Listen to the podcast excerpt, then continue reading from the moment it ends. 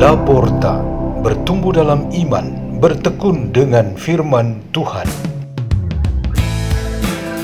Radio Laporta, pintu terbuka bagimu untuk pertumbuhan pengetahuan dan kebijaksanaan tentang Allah.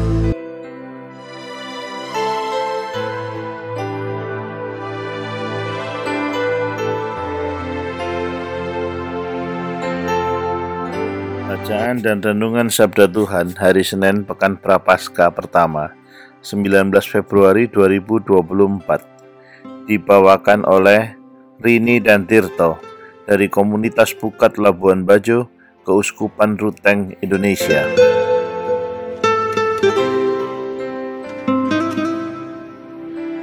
Inilah Injil suci menurut Matius 25 ayat 31 sampai 46. Yesus berkata kepada murid-muridnya, "Apabila Anak Manusia datang dalam kemuliaan dan semua malaikat datang bersama-sama dengan Dia, maka Ia akan bersemayam di atas tahta kemuliaannya. Lalu semua bangsa akan dikumpulkan di hadapannya." Dan ia akan memisahkan mereka seorang daripada seorang sama seperti gembala memisahkan domba dari kambing. Ia akan menempatkan domba-domba di sebelah kanannya dan kambing-kambing di sebelah kirinya. Lalu raja itu akan berkata kepada mereka yang di sebelah kanannya, Mari, hai kamu yang diberkati oleh Bapakku, terimalah kerajaan yang telah disediakan bagimu sejak dunia dijadikan. Sebab ketika aku lapar, kamu memberi aku makan.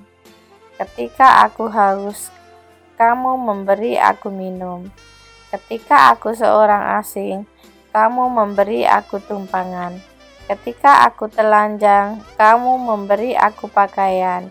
Ketika aku sakit, kamu melawat aku.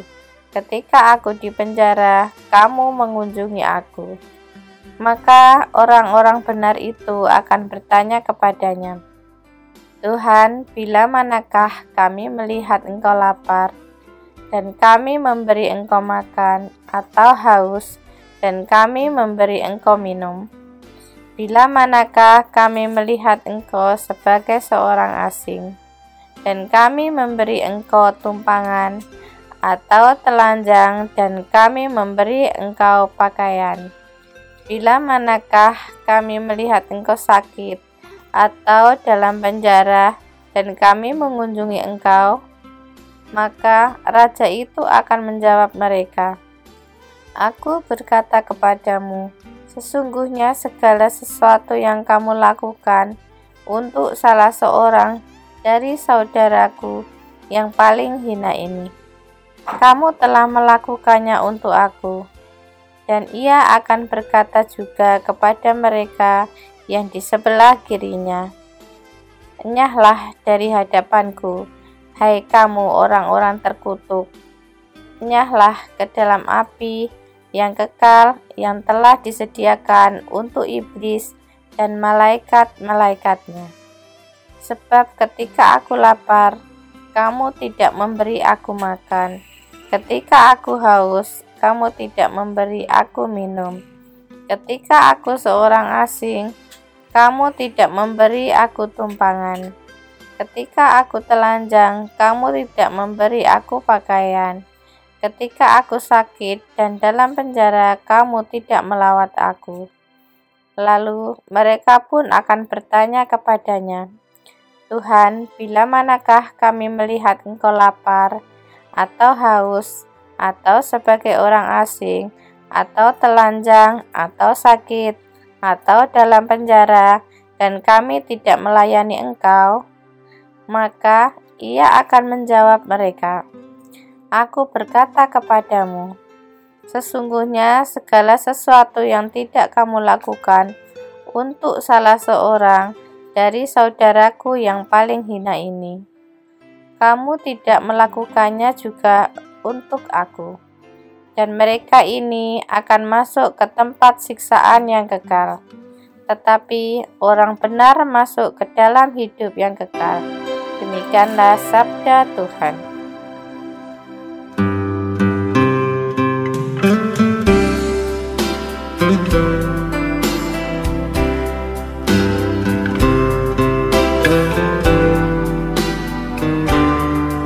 Kita pada hari ini bertema Dombing Prapaskah. Ada satu pesan WhatsApp yang tersebar melalui grup-grup dan diteruskan orang perorangan. Katanya, setiap tahun kita menekuni berpuasa, berdoa, dan beramal. Namun, hasilnya tidak cukup maksimal. Suatu saat kita menjadi orang baik, di waktu lain kita menjadi orang jahat. Hari ini kita memilih berkat, besok bisa berubah menjadi kutuk. Pengampunan dan pertobatan terjadi pada saat pengakuan dosa. Tapi setelah itu kita kembali berbuat dosa. Kita sepertinya berjuang dengan susah payah untuk menjadi orang-orang yang sempurna. Kita tahu dan mengerti semua larangan yang ditetapkan oleh Allah, supaya Musa menyampaikan itu kepada umat Allah untuk mengindahkan sepuluh perintah Allah, seperti yang diwartakan kitab Imamat dalam bacaan pertama. Mereka harus kudus seperti Allah, dengan tidak mencuri, berdusta, bersumpah palsu, merampas milik orang, iri, benci, marah, dan sebagainya. Semua ini dirumuskan dalam satu hukum utama, ialah mengasihi sesama kita seperti diri kita sendiri. Jadi, di dalam masa prapaskah ini, profil orang-orang beriman pengikut Kristus pas untuk digambarkan sebagai pribadi-pribadi yang berusaha dan bertumbuh dalam mengasihi sesamanya. Namun, tak luput dari perbuatan-perbuatan jahat yang dilakukan. Misalnya, seorang berbuat amal dengan begitu tekun mengumpulkan sumbangan untuk orang-orang yang sangat membutuhkan bantuan, sandang, pangan, dan papan. Namun, ia juga terkenal sebagai pemfitnah dan penyebar berita bohong. Ini adalah contoh kalau kita yang menjalankan prapaskah ini bukan sebagai orang suci murni sebagian orang hidup rohani kita memang baik dan suci, namun sebagian lain tidak. Yesus Kristus memang mengumpamakan mereka yang di bagian kanan ialah domba-domba dengan amal kasih yang besar. Namun, jika mau jujur, kita belum sampai sempurna seperti itu. Mereka yang di sebelah kiri adalah kambing-kambing dengan kelalaian besar dalam beramal kasih. Namun mereka juga tidak sepenuhnya jahat seperti itu. Bisa jadi hampir semua kita di dalam masa prapaskah ini adalah setengah domba dan setengah kambing. Kita adalah para dombing di dalam masa prapaskah. Jika kita memang sudah sebagai orang-orang suci dan murni, jelas tidak memerlukan masa prapaskah. Lebih tepatnya, kita langsung merayakan pekan suci supaya menyatu dengan Kristus yang mati dan bangkit. Tapi ternyata tidak demikian. Sebenarnya tidak hanya masa prapaskah, tetapi setiap waktu di bumi ini hidup kita bagaikan dombing. Oleh karena itu, kita harus setia kepada Tuhan dan mendapatkan belas kasih kerahimannya.